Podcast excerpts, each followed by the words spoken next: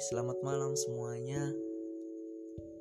Dari seluruh penjuru dunia Terutama warga negara Indonesia Dari Sabang sampai Merauke Yang sedang mendengarkan podcast saya Semoga selalu dalam keadaan sehat, baik-baik saja Dan selalu bahagia. Jumpa lagi bersama saya Walau hanya lewat suara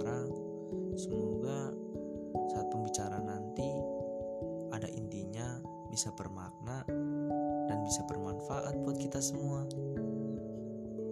Episode pertama ini saya nggak akan bahas dulu mengenai patah hati yang berlebihan, cara move on yang susah, atau mungkin kita sudah nyaman namun ditinggalkan karena kita sebagai bahan pelampiasan.